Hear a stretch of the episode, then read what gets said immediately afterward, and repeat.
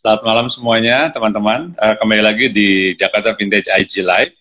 Hari ini, malam ini kita akan kedatangan tamu, yes, teman baik, arsitek yang tidak perlu diperkenalkan lagi.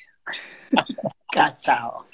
Namanya Budi Pradono, yeay. Hmm. Yang DM nunggu-nunggu uh, apa namanya uh, ini obrolan ini. Oke, okay. uh, apa kabar Mas? Siap, baik. Baik, kayaknya ah, apa uh, pas karantina ini justru lebih sibuk ya? Ah, iya. jam 3 sampai tidurnya jam 3 gitu ya? Daripada normal. Nah, malah gimana kok bisa begitu? Enggak sibuk karena di depan laptop terus. Oke. Okay. Uh.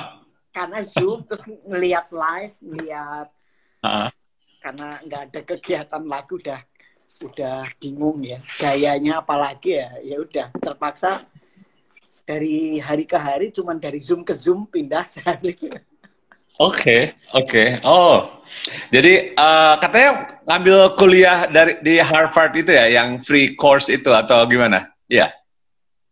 uh, ya itu udah lama sih. Jadi kemarin uh.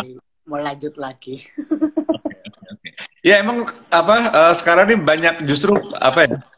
Uh, justru kesempatan buat belajar karena selama ini kan waktu kita kan kayak kurang kan. Sekarang iya, justru malah justru kita kebanyakan waktu gitu. benar benar. Oke, oke. Wah, ini udah uh, 25. Oke, okay.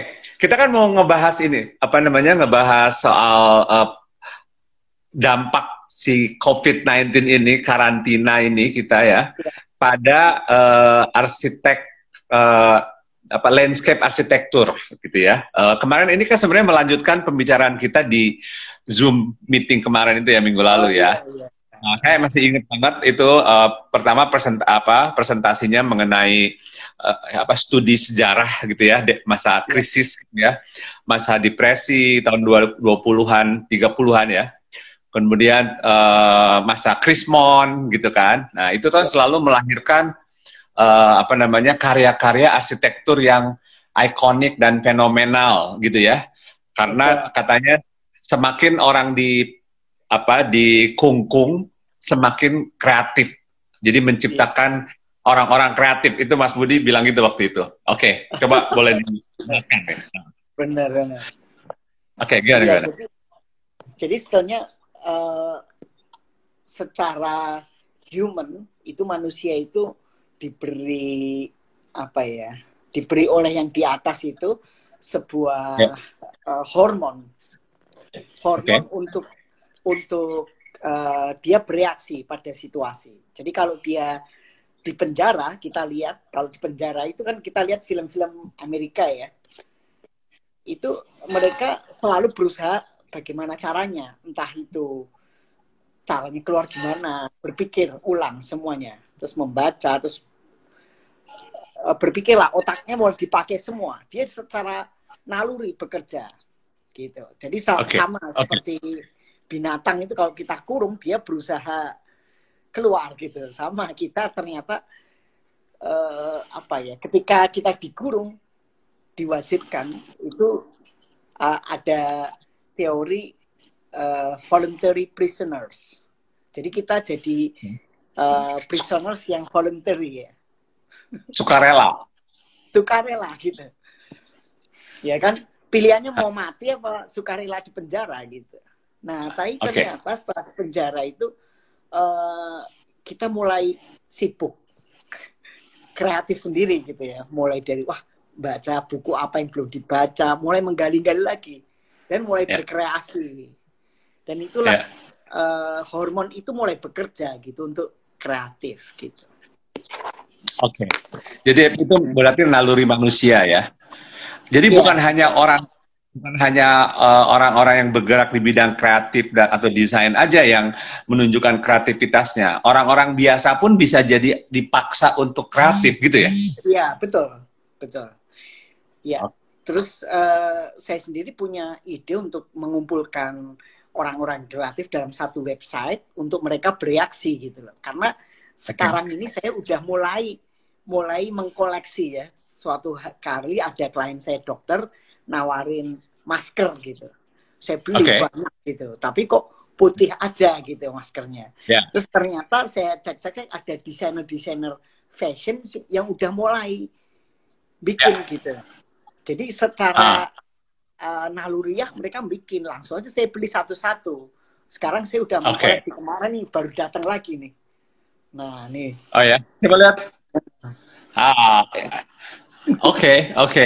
Nah, jadi ini ini salah satu contoh bagaimana orang berkreasi hmm. gitu ya. Dan itu saya beli satu-satu, saya koleksi aja itu. Jadi itu karena saya merasa bahwa orang fashion dia yang uh, apa namanya COVID-19 fever ya. Ada orang kreatif seniman di Bandung bikin alat uh, pelindung gitu. Waduh, semua bikin. Nah itu menurut saya energi kreatif itu yang membuat orang jadi kreatif. Nah jadi kalau di tahun 1929 karena uh, orang kreatifnya, aspeknya sedikit, proyeknya pada uh, berhenti semua yang jalan sedikit yang jalan sedikit itu diseriusin ya okay. akhirnya mereka bisa melahirkan manifesto gitu manifesto yeah, yeah, yeah.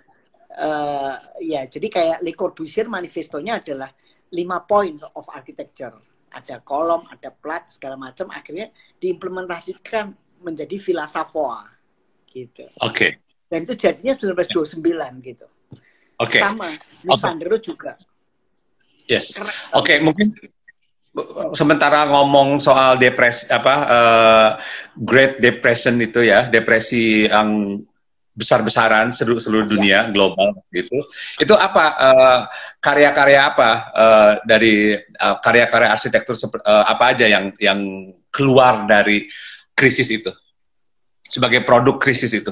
Iya, produk krisis. Mungkin bisa ya, disebut. Salah satunya uh, Tugendan House karya Miss Van der Rohe di di Bruno itu bagus sekali kemarin kamu udah saya jelasin terus ya, Villa ya. Savoy kayak Le Corbusier ya kan terus kemudian ya. di Bandung itu jadi waktu 19 1930 Isola uh, ya Isola salah satunya jadi Belanda berusaha membuat memindahkan ya. Batavia ke Bandung ya. Ya, Jadi waktu ya. itu memang aspek-aspek dari Belanda dan Jerman banyak sekali ke sini. Ya, dan ya, akhirnya ya. melahirkan Art Deco di Bandung. Ya. Tapi 1930 Belanda memutuskan untuk dihentikan. Ya, karena ya. Uh, proyek itu menjadi sesuatu yang tidak realistis gitu. Ya, ya, ya. Kecuali Isola ya, Isola selesai itu ya. Ya, selesai. Cuman maksudnya ya, ya. untuk memindahkan secara segala sesuatunya dari Batavia ke sana dibatalkan. Ya. Jadi Bandung udah jadi dulu gitu.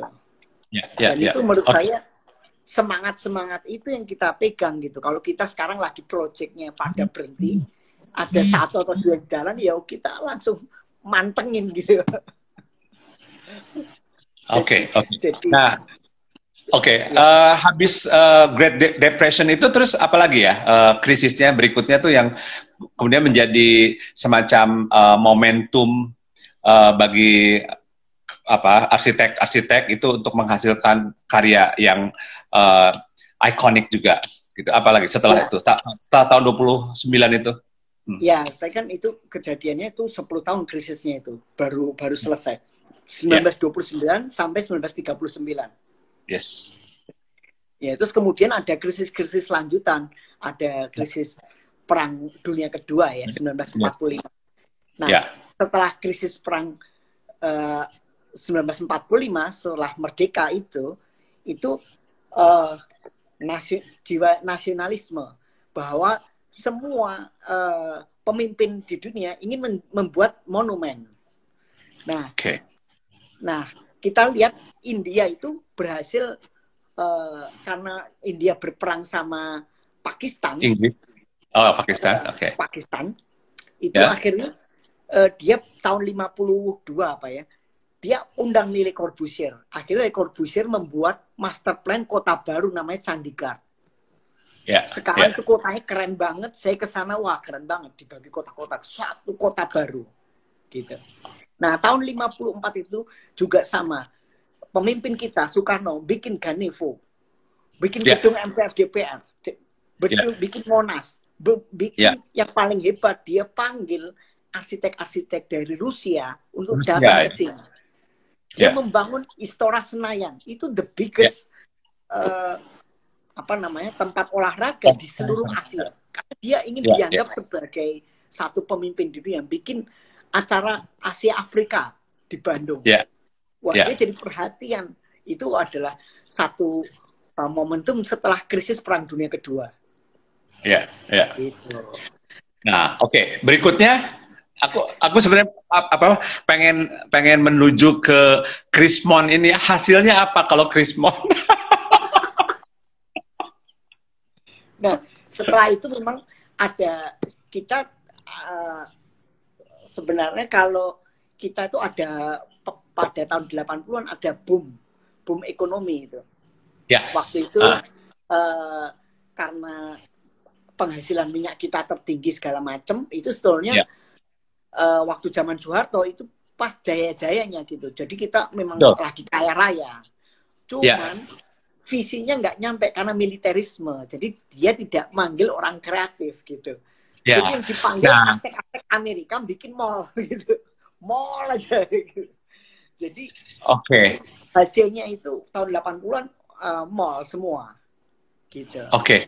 Nah, oke. Mu- Selain mall juga gej- gejala di apa zaman Orde Baru pada saat harga minyak eh, lagi bagus-bagusnya kita im- apa kalau salah eksportir nomor satu apa nomor dua sedunia karena kita ketua OPEC juga waktu itu kan. Jadi memang kita kayak Iya. OKB gitu ya. Itu Iya. eh, apa eh, apa implikasinya atau bentuk OKB-nya itu bisa kelihatan di perumahan-perumahan nggak? Kayak nggak tahu nih, ini uh, sorry banget, kayak Pondok Indah gitu ya. Itu kelihatan, itu ka- apakah uh, da- dampak dari kebanyakan uang waktu itu mendadak tiba-tiba kaya semua atau gimana? Itu bukan atau Uh, gimana? Sebetulnya uh, masalah uh, kebijakan ekonomi waktu itu uh, dia tidak malah uh, market market terbesar sebetulnya adalah rumah susun. Kalau di Jerman, di Inggris itu namanya social housing. Cuma Ya. waktu itu memang social housing dia merasa nggak mampu waktu itu diserahkan ke swasta sehingga saat itulah developer Jaya Raya. Ya, Nah, ya, developer eh, Jaya sehingga dia mem- membuat yang pertama itu adalah membuat klaster-klaster gitu. Di, Ya. di karena ini makin penuh, dia di pinggiran, di pinggiran ya. Jadi Bintaro BSD dibangun satelit city gitu. Cuman di sisi yang lain pemerintah juga mencip, membangun eh, golf. Jadi tempat golf itu sebagai simbol simbol ke- kesuksesan itu golf oke, karena golf itu eh, selain untuk golf untuk rumpi Eh, jadi karena semua kan handphone nggak ada. Jadi kalau kita main golf rumpinya di tengah. Jadi segala keputusan ada di sana keputusan politik gitu. Nggak ada yang denger ya, jauh Ah, ya. jauh. jadi saya lagu melakukan mapping itu waduh gila banget. Jadi dia bikin eh, di eh, dekat bandara sekarang tuh bandara Halim. Itu wah besar sekali itu bandara Halim. Bikin semua. Mereka bikin padang golf di Rawamangun itu sebagai Ya. simbol jadi setiap daerah menciptakan padang golf gitu nggak ber- Oke. nggak peduli berapapun biayanya nggak peduli berapa yang digusur gitu I see. Nah, I see. Heeh. Kalau dari segi arsitektur ya, atau sebagai seorang arsitek ya, eh, apakah zaman Orde Baru itu eh, dianggap sebagai sebuah apa? Kemunduran atau atau apa gitu? Pengen tahu aja. Jadi kalau Kalau saya punya pendapat sendiri, cuma pengen dengar dari seorang arsitek.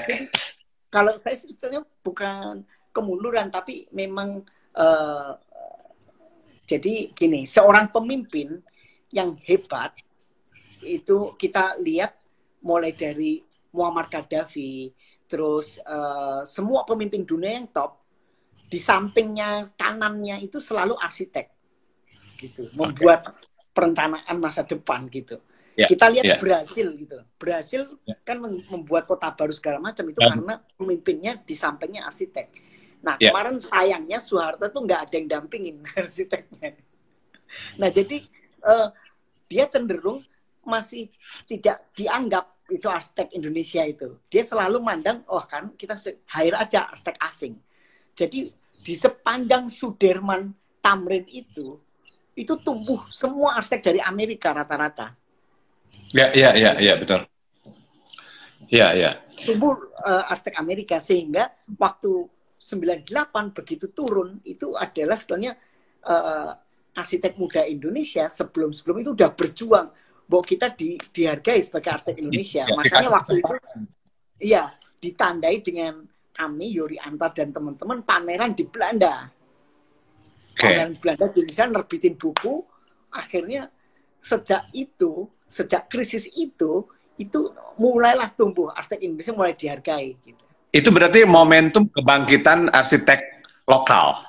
Iya, momentumnya adalah ketika reformasi. Ketika Soeharto reformasi. jatuh, itu reformasi yeah. itu mulai persen satu demi satu ke arsitek Indonesia mulai didengar gitu. Ya, oke. Okay. Nah, sebenarnya tadi belum dijawab pertanyaannya. Kemunduran atau bukan?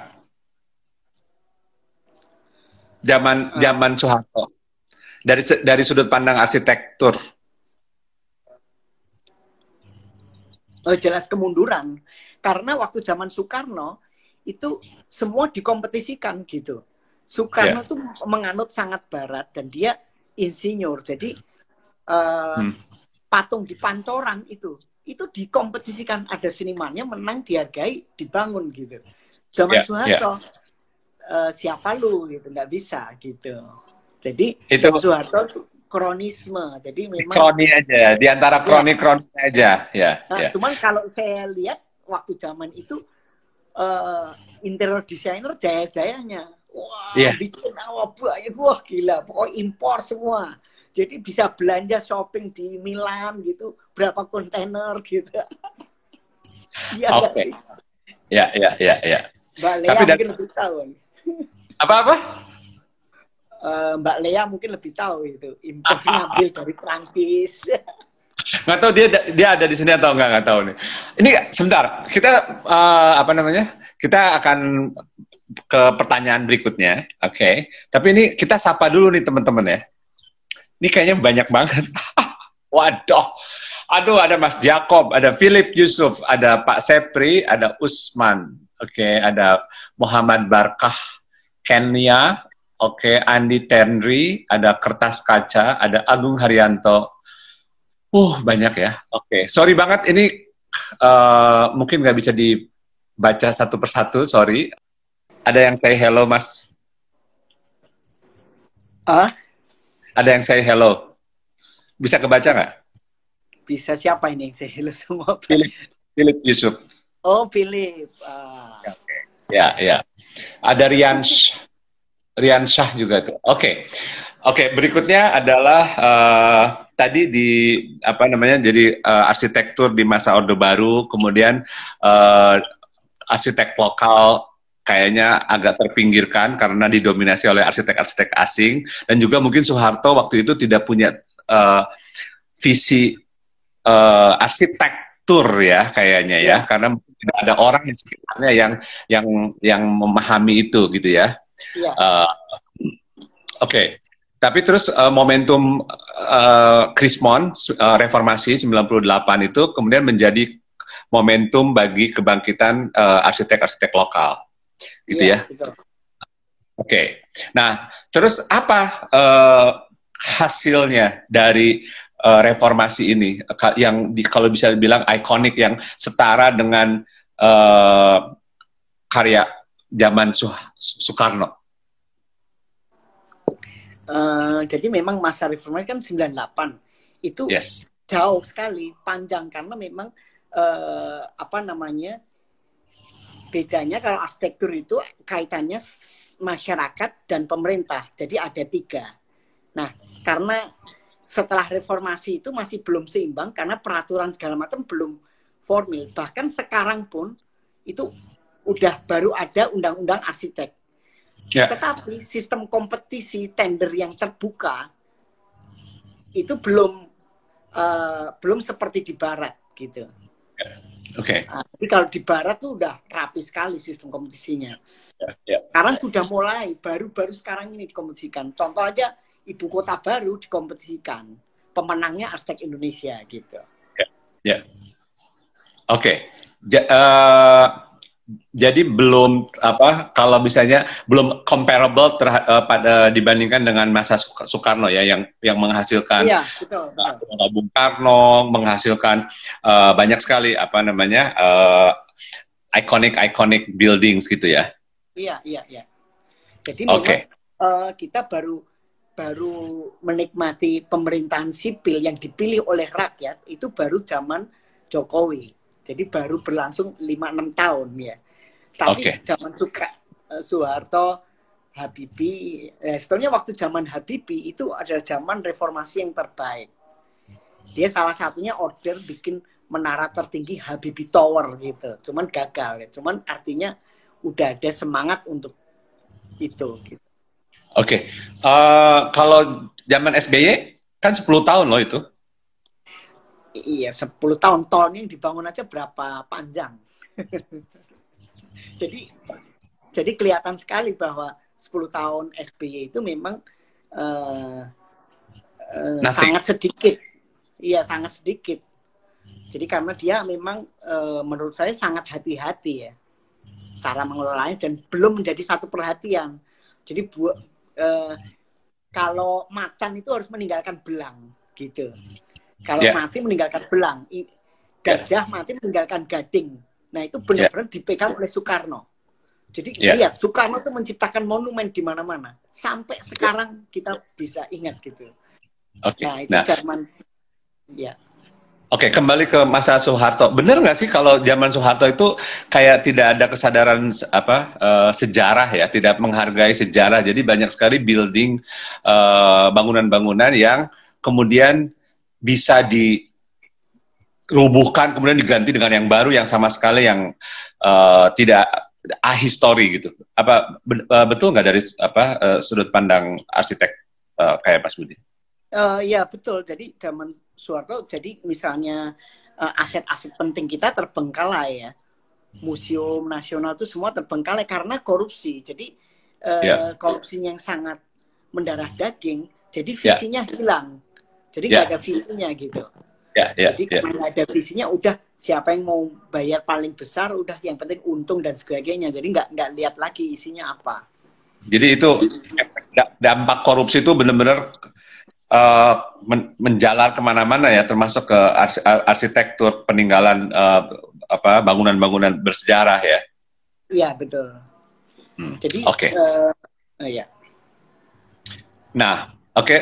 uh, eh, kalau sekarang tadi dibilang bahwa zaman Jokowi ini ya itu uh, udah mulai semacam harapan uh, apa tender terbuka dan lain-lain misalnya apa kok apa uh, project ibu kota baru ditenderkan gitu kan yang yang menang arsitek uh, Indonesia mungkin juga Monas nggak tahu nih kalau Monas oh, uh, apa? Sebentar ya. Oke. Okay. Jadi sebenarnya uh, keterbukaan ini sebetulnya diawali oleh uh, oleh Ahok. Jadi karena dia membuat sistem Ahok, membuat yeah. sistem e-budgeting. Jadi yeah. kita tender itu secara internet, belanja yes. secara internet. Jadi semua online, bisa yeah. transfer online gitu. Yeah. Tetapi setara uh, kelembagaan belum, karena PUPR itu juga uh, waktu memberi penghargaan pemenang kompetisi yeah. juara itu dapat hadiah itu ternyata nggak diatur dalam peraturan sehingga oh.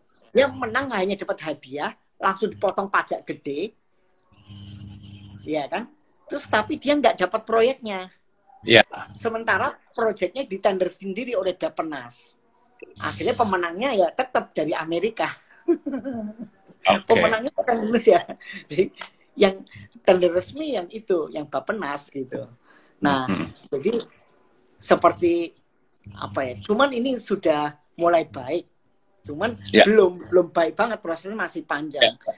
jadi okay. uh, eh, menurut saya juga misalnya kayak Monas itu memang uh, karena uh, apa namanya uh, karena pemimpinnya aja pemimpinnya sekarang Anies Baswedan itu berpendidikan.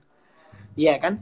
Dia uh, dokter sendiri dia kalau dikasih tahu bahwa ini harus kompetisi dikompetisiin gitu. Seperti Monas dikompetisiin gitu. Yeah. jadi ya. tergantung yang bisikin. Nah kebetulan dia dibisikin bagus sehingga aset-aset utama itu dikompetisikan. Monas dikompetisiin yeah. Ma masalah problem lagi masalah eksekusinya itu problem berikutnya itu pelaksanaan yeah, yeah. kalau tadi secara ideal bagus pemenangnya okay. Lapo juga konsepnya bagus sekali memenangkan yeah, yeah. Yeah uh, saya juga termasuk ikut uh, apa namanya salah satu finalis untuk pro, salah satu proyek ya penyampingan yeah. sepeda MRT. Yeah. Uh, waktu itu serat, peserta 160, saya lima besar kalah. Cuman saya merasa kalah terhormat karena memang dicuri dan kalah gitu. Dan itu ya, sesuatu yeah, yeah. wajar. Wajar. Oke, oke, oke. Nah, oke, okay, sekarang kita masuk ke COVID ini ya, ke COVID-19 yeah. ini.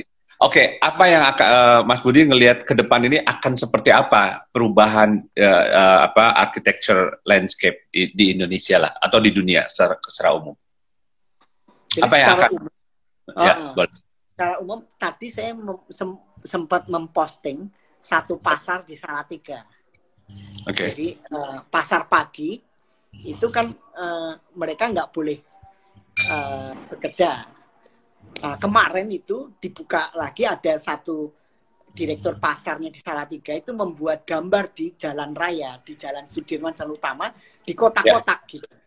Yeah. Sehingga penjualnya bisa berjualan sambil berjarak gitu. Social distancingnya tetap jalan. Nah, social distancing market yeah. gitu. Jadi ini yeah. sebuah terobosan. Yeah, Meskipun yeah. di jalan raya, jalan raya mobil nggak boleh lewat, tapi pasar itu terjalan sehingga ekonominya berjalan. Yeah, Jadi yeah. itu adalah satu fenomena baru di mana dia mencari satu solusi supaya ekonomi tetap jalan, social yeah. distancing jalan. Yeah. Nah, jadi kalau kita melakukan lockdown itu mati. Jadi yeah. uh, itu adalah satu indikasi, satu trigger di mana yeah. itu ke depannya akan diadopsi oleh arsitek-arsitek dalam merancang. Jadi dalam merancang dia akan uh, memikirkan, mempertimbangkan aspek itu aspek bahwa ini kita perlu social distancing ini perlu ada jarak gitu nah itu yeah. akan itu menjadi rules hmm. jadi kalau hmm. nanti dia merancang gereja merancang masjid semuanya akan menggunakan rules baru ini karena kita anggap bahwa ini nggak akan berlangsung cepat virusnya belum ditemukan katanya 18 bulan lagi berarti kira-kira satu setengah tahun dua tahun lagi gitu vaksinnya maksudnya vaksinnya. Virusnya udah ada. Oh iya, virusnya ada vaksinnya. Oke oke oke. Nah karena okay. vaksinnya nggak ada itu, itu menyebabkan yeah. Menuntut arsitek untuk kreatif gitu. Oke okay. Oke. Okay. Taman dibuat social distancingnya gimana, tempat duduknya yeah. jauh-jauh gitu. Uh -huh. nah, okay. Bioskop nanti berubah semua kursinya yeah. jadi uh, eh, VVIP semua itu sofa-sofanya di bioskop. Oke. Okay.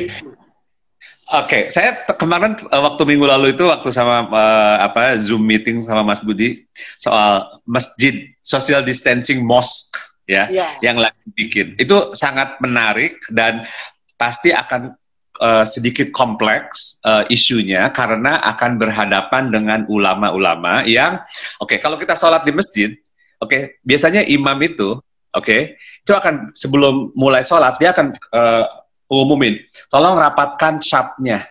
Iya, Oke, okay? iya, iya. tolong rapatkan, tolong rapatkan barisannya, dan kita harus uh, satu sama lain tuh harus saling mengena, harus kena kaki oh. kita nih kena dengan kaki yang sebelah, karena iya. rapat karena uh, apa uh, pertimbangannya waktu itu adalah jangan sampai setan masuk di antara uh, barisan kita, jadi kita harus rapat. Nah, itu gimana? Nah, Mas Budi kan lagi bikin uh, masjid yang mengambil uh, meng, apa namanya merespon terhadap social distancing ini. Gimana ya. itu cara meyakinkan ulamanya supaya nanti wah ini nggak sesuai dengan dengan hukum Islam. Gimana dong? Ya. Jadi sebetulnya kalau uh, kita nggak sengaja aja merancangnya, jadi nggak sengajanya dalam arti gini, kita hmm. dulu waktu pas di kas tugas kita membayangkan bahwa uh, suatu kali kalau pas lebaran itu meludak. Waktu hmm. meludak sampai di luar itu uh, orang harus dicat, digambarin gitu. Yes. Nah, ya kan untuk supaya sesuai dengan sajadahnya gitu. Nah, yeah. kita pikir bagaimana kalau ukuran sajadah ini dijadikan bagian dari landscape. Jadi kita tarik garis semua dari dalam masjid sampai keluar. Dan itu yeah. sajadah tinggal digelar karena itu udah bagian dari landscape ukurannya udah semua sesuai sajadah gitu. Dan yeah. udah menghadap barat gitu. Yeah. Nah, nah Oke. Okay. Ya, hmm? saya yang nggak tahu bahwa itu harus merapat supaya setan nggak masuk. Nah, itu saya nggak tahu. Cuman ah. intinya, intinya kalau dia berjarak terus sampai keluar, di sampai lebar luas banget itu bisa. Gitu, Oke, okay. oke. Okay. Jadi ini menarik dan akan akan challenging sekali ini uh, proyeknya proyek masjidnya Mas Budi ini akan challenging oh, iya. karena akan ada respons seperti yang saya omongin tadi itu dari iya. terutama dari yang tahu uh, mengenai uh, agama, uh, agama ya uh, is, hukum Islam gitu. Iya. Oke, okay. uh, kebetulan saya ada proyek masjid udah selesai, desainnya udah selesai, tinggal apa? Tinggal ngebangun gitu ya. Ya jadi saya kayaknya yeah. harus meli, uh, sebenarnya me, mendesain ulang gitu. Karena kan masalah di social distancing supaya pintu masuknya mungkin lebih banyak atau supaya nggak oh, iya. tabrakan gitu nggak oke okay, anyway. Keren itu. Kenapa? Keren itu. Oke okay, ya nah uh, kalau dari apa namanya di di Indonesia ini uh, apa namanya uh, uh, tadi kan masjid ya uh, apa namanya perubahan arsitektur masjid ya tadi kan secara sebagai ambil contoh kalau rumah oke okay, rumah tinggal termasuk apartemen gitu ya. Itu gimana? Karena kan misalnya orang udah bikin apartemen kan satu satu layout gitu ya. udah gitu udah udah dibikin berapa ratus tiba-tiba wah ternyata kamar mandinya tempat cucinya tuh di ujung sana. nah itu gimana? Ada perubahan atau gimana? uh, mungkin tapi intinya sebetulnya uh, dulu kita fenomenanya adalah kayak saya sendiri juga ada fenomena bahwa kita memisahkan diri dari kantor hmm. atau tempat kerja dengan rumah gitu. Cuman yang sekarang kita harus kerja di rumah. Jadi ya. ada fenomena cross programming. Jadi programming yang baru ada di rumah. Jadi gimana caranya orang membuat rumahnya lebih nyaman? Berarti harus direvisi supaya dia bisa untuk kerja, bisa untuk istirahat, bisa untuk main sama anak-anak gitu. Nah, sekarang tuh ada di negara mana nyelenggarain kompetisi playhouse bagaimana rumah itu bisa di supaya nggak bosen gimana gitu okay. nah ya soal masalah tempat cuci tangannya di sana itu mungkin kalau sekarang kan misalnya uh, gated community rumah-rumah itu semuanya sudah ada dapur di samping orang masuk udah pantry. Jadi kalau uh, di dalam master plan uh, apa namanya master plan apartemen juga masuk itu deket sekali sama pantry. Tempat cuci tangan tuh pasti dekat. Cuman sebenarnya yang yang akan berubah interior project interior pasti meledak banyak ini buat kamu. Intinya karena semua harus direnovasi nih rumah-rumah supaya nyaman Iya, uh, uh, termasuk ya uh, sirkulasi udara, uh, cahaya, ya. gitu kan ya. Karena orang sekarang uh, menjadi lebih sadar kesehatan, ke, so, sadar kebersihan ya, sanitasi dan ya. higienis. Uh, Oke.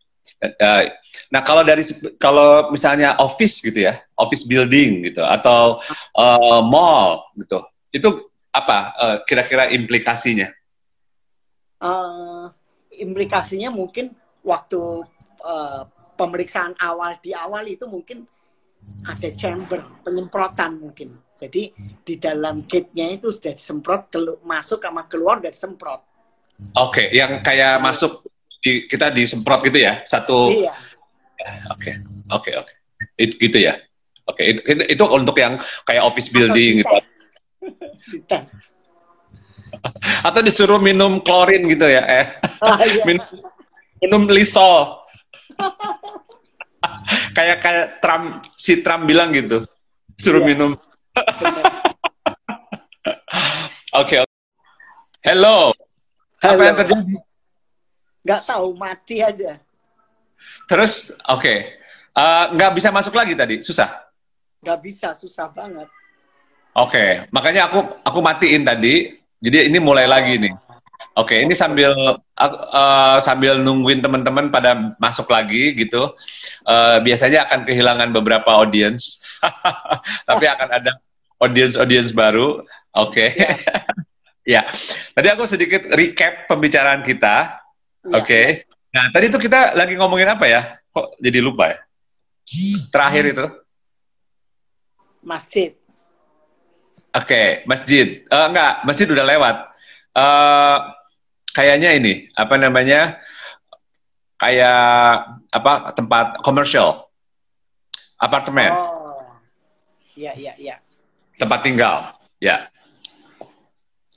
Itu oke mungkin bisa diceritakan ini teman-teman banyak yang baru juga di sini. Aduh ada Imelda Akmal, Ibu Haji, Siap. gimana? Boleh.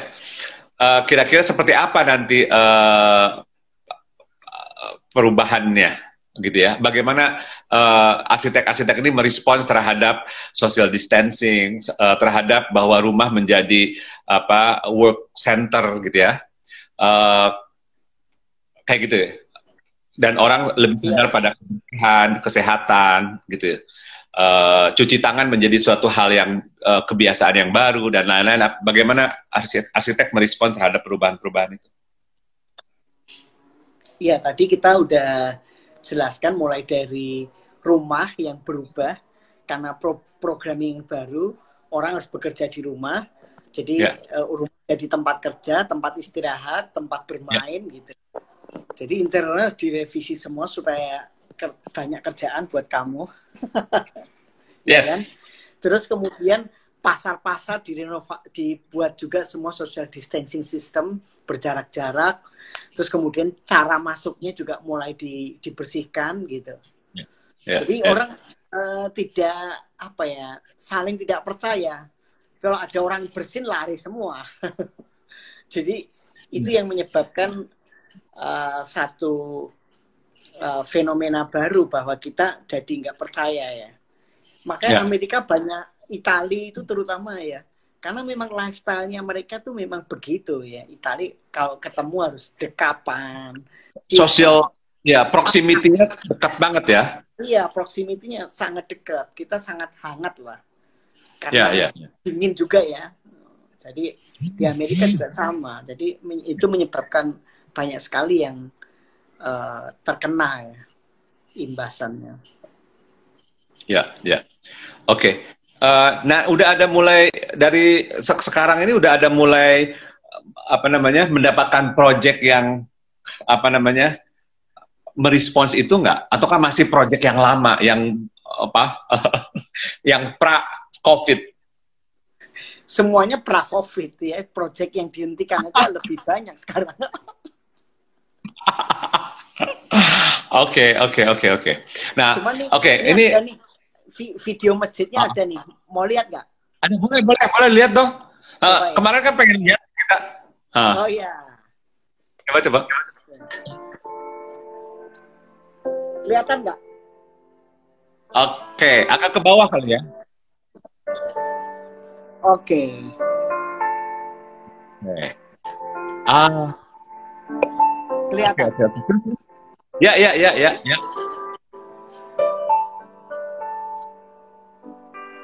Oh.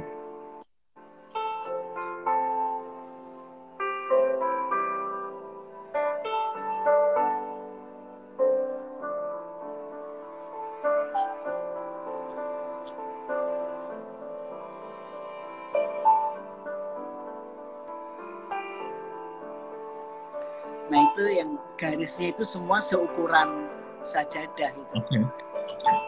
Oke. Nah itu sampai ke landscape semuanya.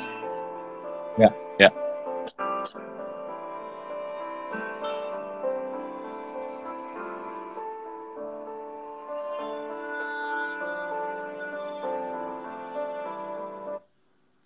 ke bawah lagi katanya uh, Mas Budi. Agak ke bawah Apa? lagi kameranya. Oh, udah, udah oh. habis ya. Ini kayaknya orang-orang pada penasaran nih. Kurang ke bawah jadi kameranya. Nah, itu oh, oke, okay, teman-teman. Nggak apa-apa. Teman-teman itu uh, sengaja kayaknya Mas Budi. Itu namanya teaser. Oke. Okay? Kalau mau lihat kalau sampling itu sampling. Jadi kalau mau lihat semuanya harus beli.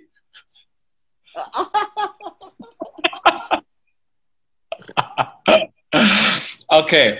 Ini kok beli gimana? Masjid kan nggak bisa dibeli, mas.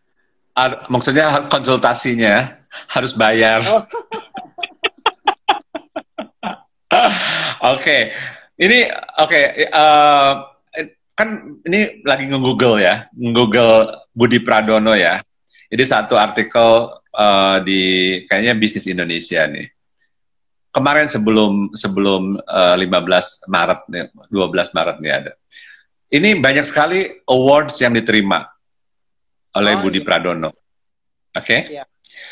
Nah, ini kalau dibaca ini panjang sekali nih ada Cityscape Architecture Award 2004, AR uh, Awards for Emerging Architecture 2005, World Architecture Festival Award 2008, Kemudian, uh, waduh banyak sekali. Ya, oke. Okay. Dari semua ini, oke, okay, dari semua awards ini, mana yang paling uh, emang gue I deserve it? ya kalau kalau deserve tuh semua, cuman intinya sebenarnya award itu bukan dikejar ya, tapi itu sebagai akibat.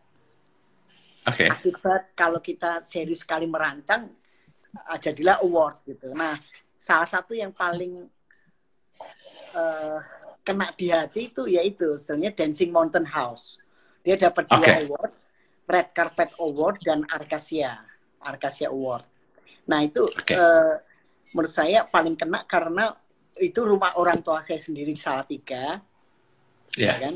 Dalam kondisi uh, krisis. Jadi artinya uh, posisinya saya di luar negeri di Jepang atau di Belanda, orang tua saya digusur.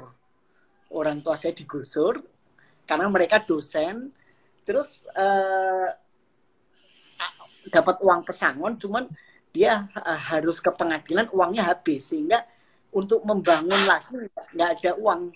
Jadi untuk membeli tanah nggak bisa semuanya nggak bisa. Jadi Bud tolong bangunkan rumah buat kami gitu dalam keadaan yang nggak punya apa-apa gitu. Jadi menurut saya oke okay, serius. Jadi saya oke okay deh, saya berusaha di sela-sela waktu saya untuk pulang ke Salatiga. Pertama okay. mencari, mencari tanah. Jadi mereka harus ngontrak rumah, terus kita mencari tanah bareng-bareng gitu. Ah, nah, ah. setelah dapat tanahnya harus dicicil ah. itu. Oh, tanahnya itu sampai lunas. Ah. Nah, setahun dua, selama um, melunasin itu kita nyicil juga beli bambunya. Ya, uh. kan? Tapi intinya karena uh, kita membangun rumahnya belum cukup uangnya kan sehingga hmm. kita beli lima terus kita titipin di rumah yang pemotong bambunya itu. Jadi di gunung di Gunung Merbabu kan dia dimasukin ke tanah di lumpur gitu. Nah, karena ah. kita bertujuh ada adik saya di Australia, kakak saya di mana, adik saya di Jerman, kan semuanya di luar negeri ya. Jadi kita berusaha gimana saweran jadi satu rumah itu. Jadi waktu awal orang tua saya nggak terlalu yakin bahwa wah kok rumahnya bambu ya gitu. Kok dari bambu gitu. Cuman memang ibu saya wah pokoknya kalau Budi yang bikin saya percaya. Jadi oh. kita giliran ya ada adik saya dari Australia terbang ke Bali oke deh sekarang giliran saya. Jadi uh, orang tua saya diajak ke restoran yang ada bambunya atau rumah yang ada bambunya tinggal di villa-villa yang mahal-mahal itu cuman materialnya bambu tuh wah bagus juga ya bambu. Jadi mereka mulai jadi, yakin, yakin. gitu. Yakin ya? Ah. yakin. Terus appreciate juga ya. Ada ah. hotel semua di Bali sering banget mereka udah makin yakin. Udah yakin terus pulang ke Salatiga waduh uh, ini kontraktornya siapa ya? Kita nggak mungkin bayar kontraktor gitu. Akhirnya kita cari oke cari tukang bambu yang ahli kayak apa. Kita keliling akhirnya di antara Gunung Merbabu dan uh, jalan di Magelang itu ada desa kecil dia yang membuat furniture dari bambu. Nah, saya survei, oke ini bapak tukang siapa kepala tukangnya? Oh ini namanya Pak Bambang. Saya lihat ke rumahnya, wah rumahnya dari bambu. Bagus sekali, menurut saya bagus sekali. Cuman tradisional. Ya, ya. jadi, ya. Uh, jadi karena tradisional itu, terus saya rayu Pak bisa minta tolong untuk membangun rumah kami gitu. Oh nggak bisa, saya masih ada kerjaan banyak. Jadi dia nganyam untuk bikin plafonnya rumah-rumah orang satu-satu keliling gitu. Oh iya ah. nggak apa-apa. Jadi akhirnya ibu saya ini tak saya pulang ke Jakarta, mam tolong ini Pak Bambang ini ahli banget, jadi dirayu. Oke, caranya gimana ibu? ya pokoknya tiap dua minggu sekali mamiku ke sana bawa beras pokoknya bawa sembako lah beras gula kopi lengkap setiap minggu selama enam bulan ngerayunya selama enam bulan mas nah setelah enam bulan itu dia yakin oke okay, mas saya mau membangun karyanya mas gitu jadi pros kita melihat di sini adalah prosesnya jadi okay. prosesnya waktu saya lihat tanahnya oke okay, tanaman apa yang dekat di sini yang murah dan apa yang banyak. Tetangga-tetangga banyak itu bambu petung besar. Bu, nyun sewu, sakit nempil gitu. Artinya itu bahasa Jawa artinya boleh uh, minta sedikit bambunya, nggak usah semua. Cukup yang di tengah. Karena saya tahu teorinya yang di tengah itu yang paling tua, yang paling kuat. Jadi ah. uh, nyuwun yang tengah aja berapa ya lima gitu. Tetangga yang satu juga nyuwun lima mawon gitu. Ambil yang tengah. Jadi minta minta-minta ke tetangga itu? Iya, cuman enggak kita beli, kita bayar. Nah. Cuman kan murah mas satu bambu paling sembilan puluh ribu gitu. Ya, ya, ya. Tapi kita caranya gitu, nempil gitu bahasa Jepang. Nah, jadi kita melihat di sini proses membangun itu sulit. Artinya prosesnya mulai dari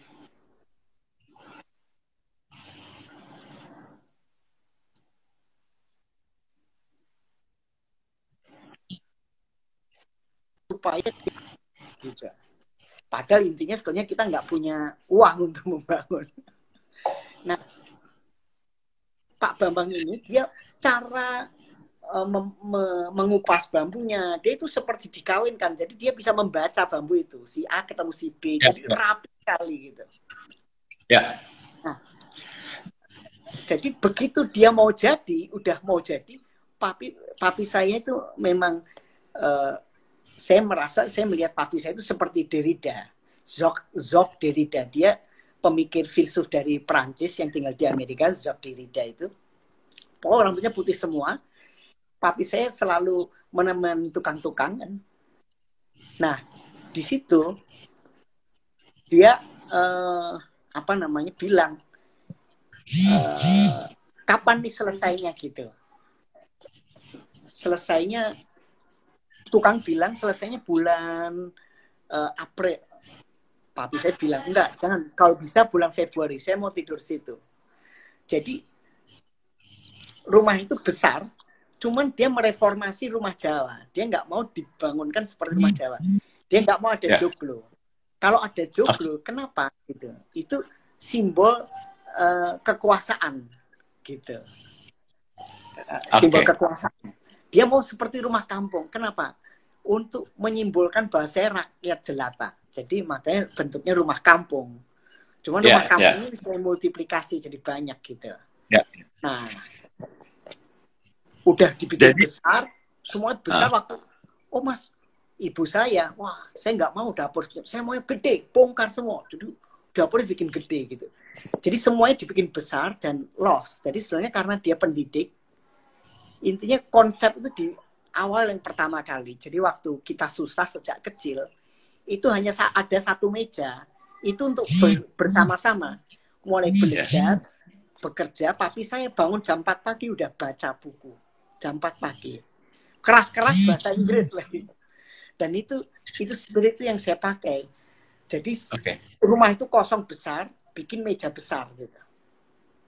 Nah, dari situlah akhirnya papi saya pas bulan Februari itu tidak ada, meninggal di situ.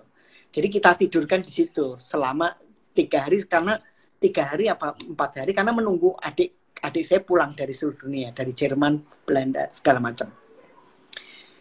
Nah, uh, setelah papi saya meninggal 2014, jadi dapat penghargaan setelah itu dapat penghargaan. Oh. Arkadia Award 2015 ya. Yang terakhir ini sebenarnya dikunjungin Juhara karena dikunjungin tamu dari Switzerland itu adalah direktur Agakan karena dia penting sekali menominasikan proyek ini gitu. Jadi Ahmad Juara datang bersama direktur Agakan dari Prancis ya. Oke. Gitu Oke. Okay. Okay. Jadi ini sangat emosional sekali ya, berarti ya apa proyeknya. Makanya itu, mungkin uh, awards uh, project itu yang yang paling berkesan ya. Oke. Okay. Ya karena ini ya itu. Oke. Okay. Karena sama keluarga saya berarti waktu itu krisis orang tua saya. Jadi krisis itu yeah. jadi diselesaikan dengan kreativitas.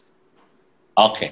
ini saya mau baca ini komentar teman-teman ya. Ada Bas Hardi, oh dia mendoakan Mas Budi nih. Oke, okay. stay safe, stay healthy, stay humble, Mas Budi. Harus humble tuh. Makasih. Oke, okay. terus uh, story. Uh -uh.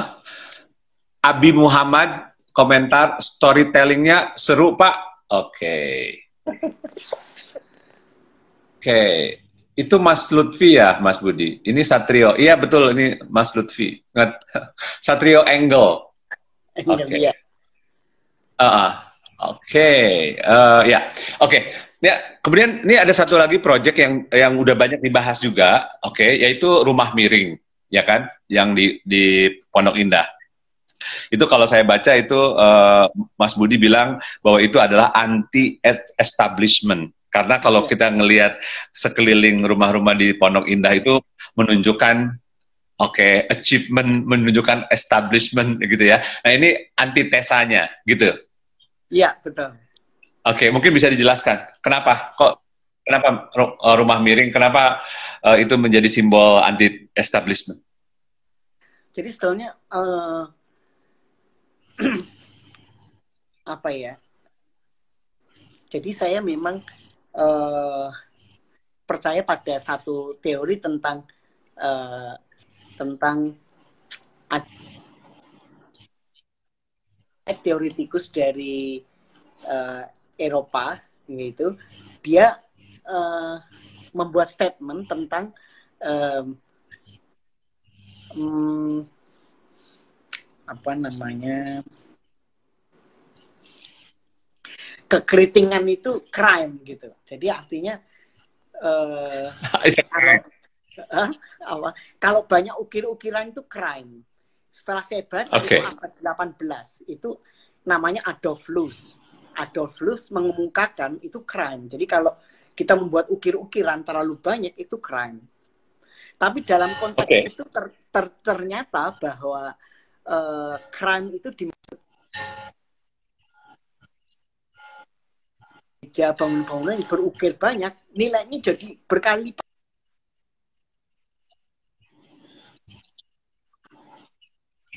Oke. Okay. Itu untuk ya area situ itu yeah. kelihatan sekali itu jadi itu kan. Oke, okay. Su suaranya agak putus-putus, Mas. Oh, putus sekarang? Ya, yeah. sorry, suaranya agak putus-putus, mungkin agak sedikit agak sedikit dekat kali mungkin ya ke oh. ke handphonenya ya. Oh iya, iya. ya. ini ya. Jelas. Oke. Okay. Uh, ya. Jadi Ya, aku juga agak sedikit torek juga sih. Oh. Oke. okay. Jadi itu kan uh, simbol sukses. Jadi, Jadi misalnya ada itu kan tetangganya kita kayak Ahmad Dhani segala macam. Dan untuk menunjukkan simbol sukses itu mereka menunjukkan yes. diri. Ya. Jadi yes. kolom gatel gitu. Kalau kolom nggak dikasih emas gatel gitu. Untuk yeah. ada jadi ada orang kaya banget harus ada emasnya. Kenapa? Dulu saya miskin nggak bisa beli emas. Sekarang saya sukses sekali. Nah, untuk menunjukkan teman-teman yeah. saya dari desa, dari kampung kalau yeah. ke Jakarta, wah udah sukses ya. Iya tuh oh, rumahnya kayak ada emasnya di depan gitu. Di pagernya kalau perlu ada emasnya gitu. Yeah. Nah, sebenarnya konteksnya dengan yeah. riset ini Makanya saya udah 10 tahun nggak pernah dapat proyek di Pondok Indah. Suatu kali saya ngerantang gitu, Mas, ini habisnya berapa? habisnya mungkin 5 miliar. Loh, kok murah sekali, Mas? Tetangga saya 13 miliar. Wah, nggak jadi langsung. Terlalu murah, kurang mahal. Pusing saya jadinya. Oke. Okay. Nah, akhirnya ini ini beneran ini, ini beneran. iya. Klien saya yang yang satu ini memang rada seniman juga. Jadi ketemunya di galeri-galeri kan.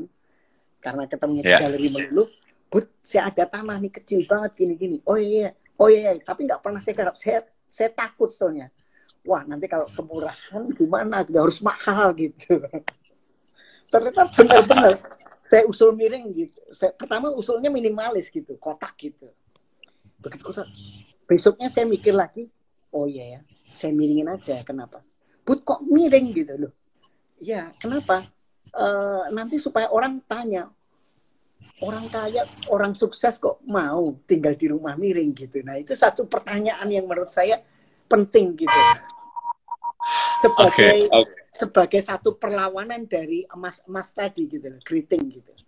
Nah, hmm. terus waktu ditanya biaya berapa? Waduh, saya nggak berani, nggak tahu itu gitu. Takut kemurahan juga telah dihitung. keluarlah biaya dua setengah miliar. Waduh, kok bisa iya itu itu baru strukturnya ternyata baru pondasinya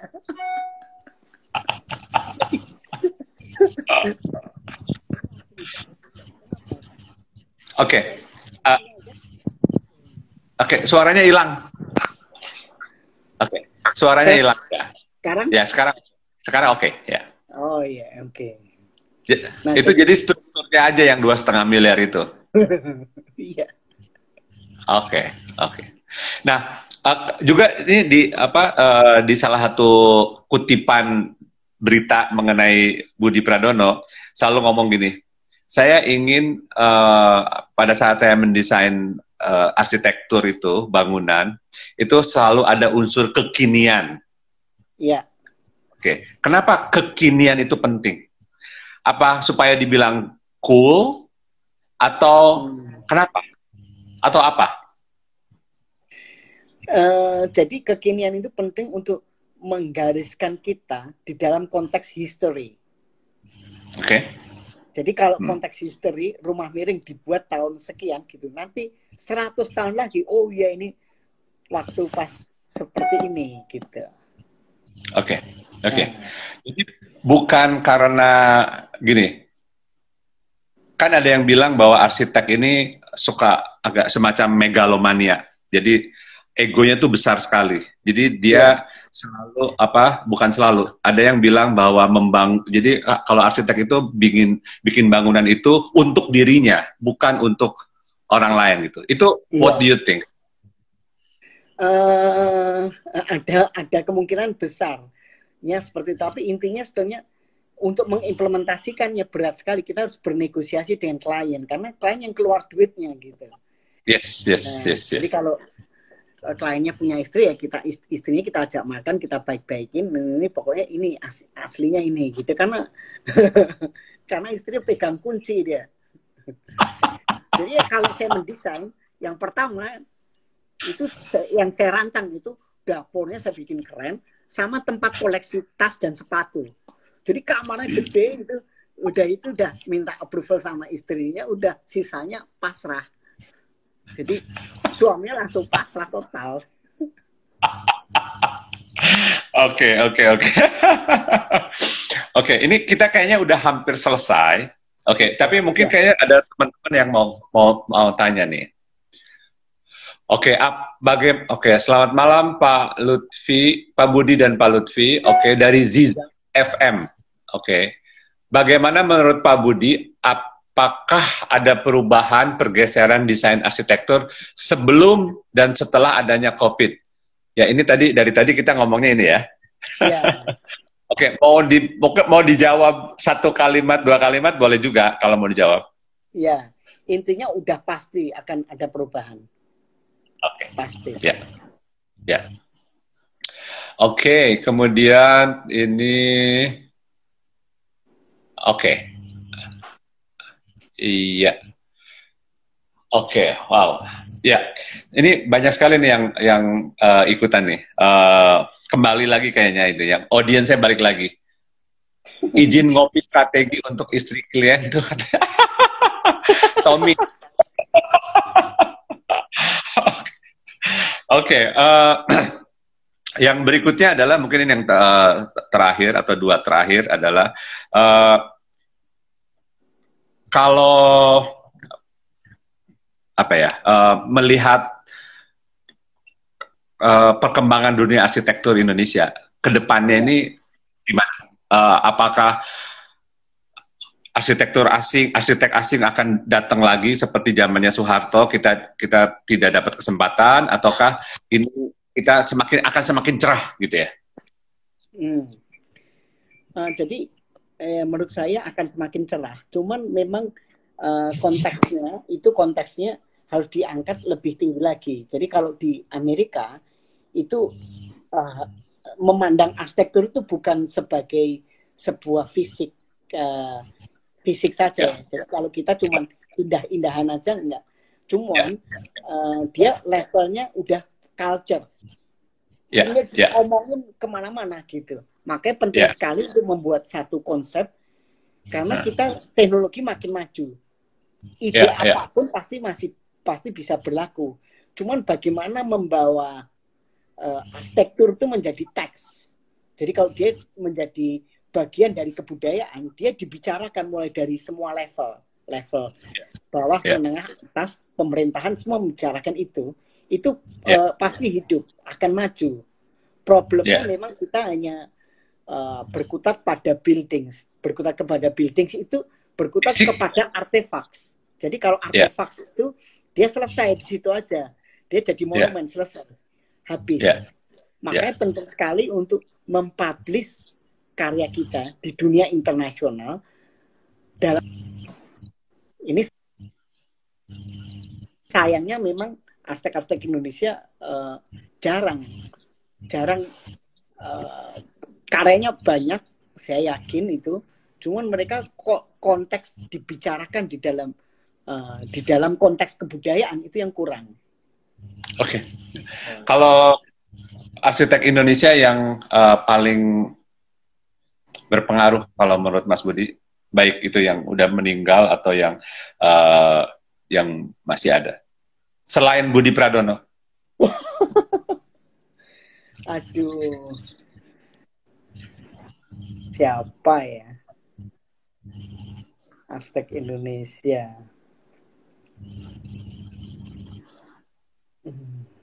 Jadi kalau aspek Indonesia memang yang saat ini yang sangat produktif berkarya bikin tower banyak itu ya mungkin Pak Budiman dari DCM. Ya. Yeah, Kata yeah. Mandiri dia yeah. Ya. uh, konsisten dia karyanya office office uh, komersial aja konsisten di di titik itu gitu. Ya. Yeah. Uh, jadi memang menurut saya uh, terbagi-bagi ada yang arsitek sekaligus uh, akademisi menyambi dosen yeah. gitu. Hmm. Ada yang arsitek murni gitu. Hmm. Nah, saya termasuk arsitek murni, cuman berbagi aja ke kampus gitu. Oke.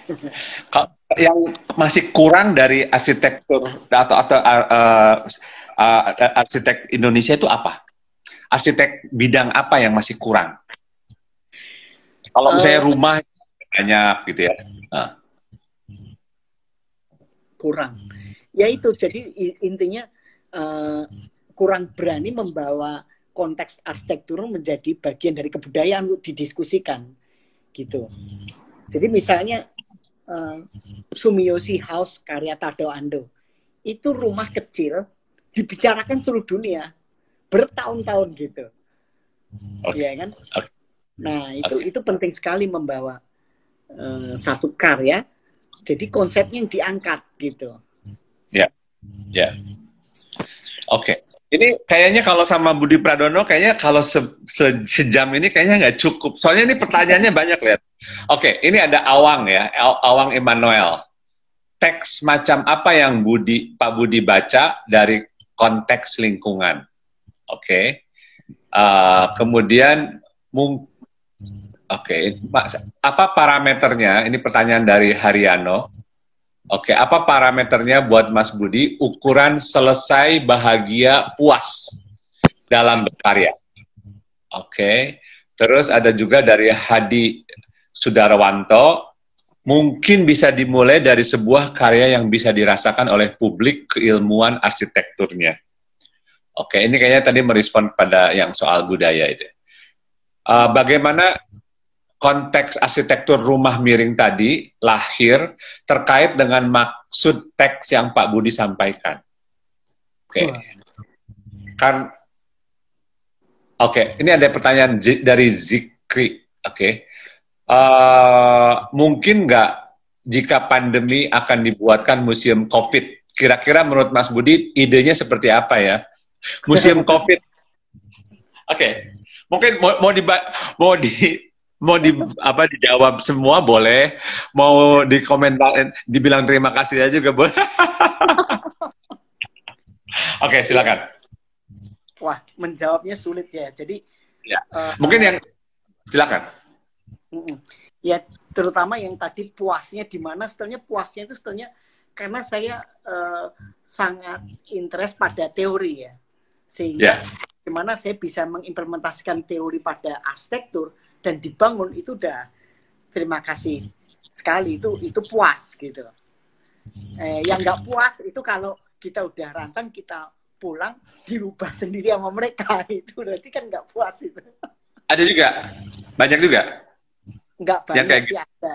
Ada sedikit ya. Ada? Nah, oke. okay. nah, yeah.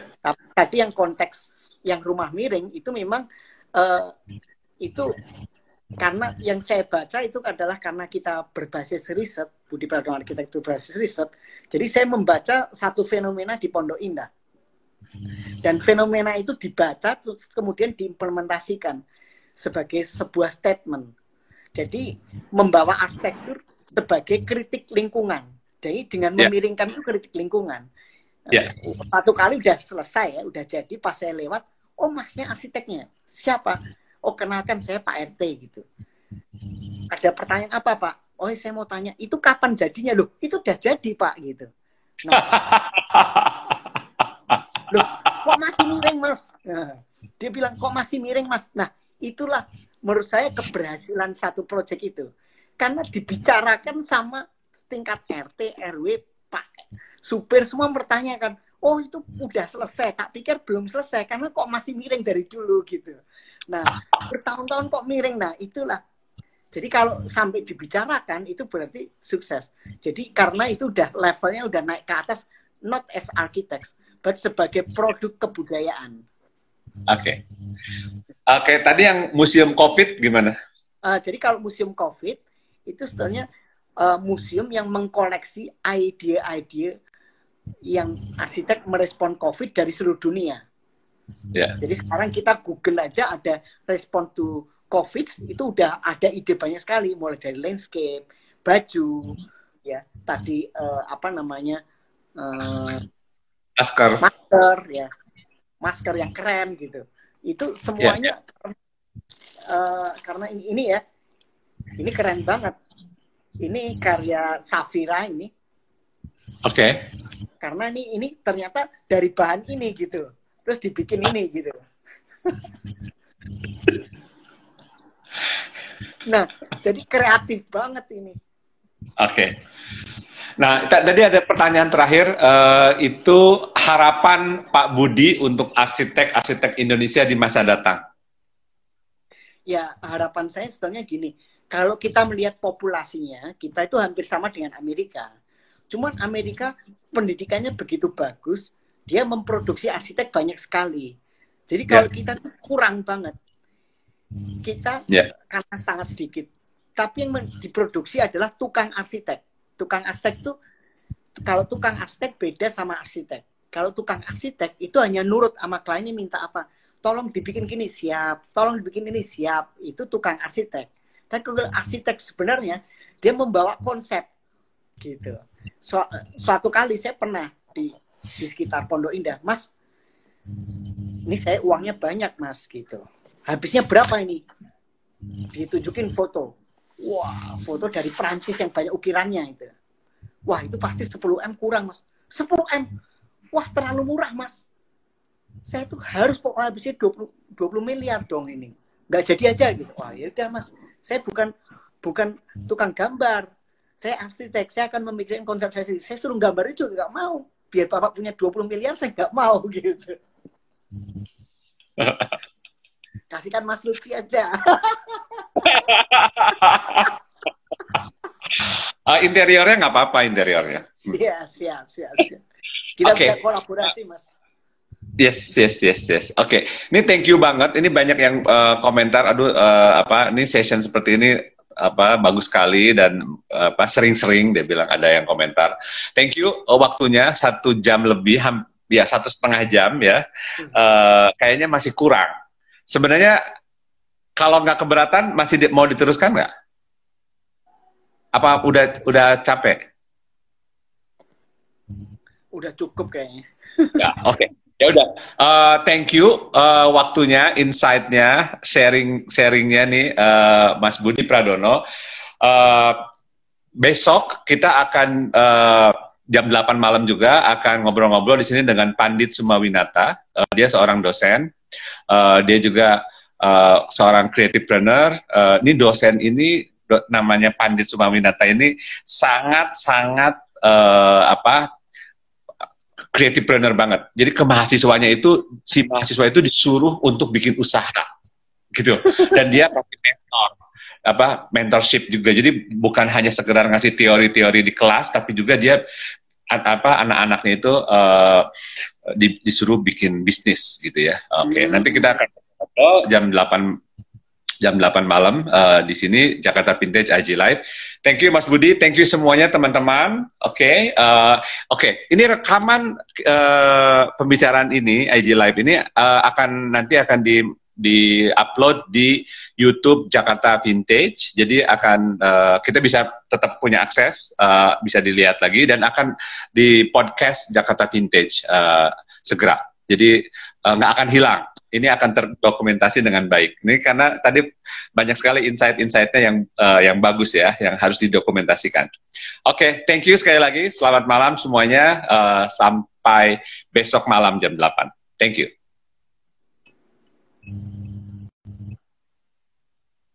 Oke, okay. thank you semuanya teman-teman. Oke, okay. uh, tidak bisa disebutkan satu persatu, tapi thank you, thank you sekali lagi dan uh, selamat malam.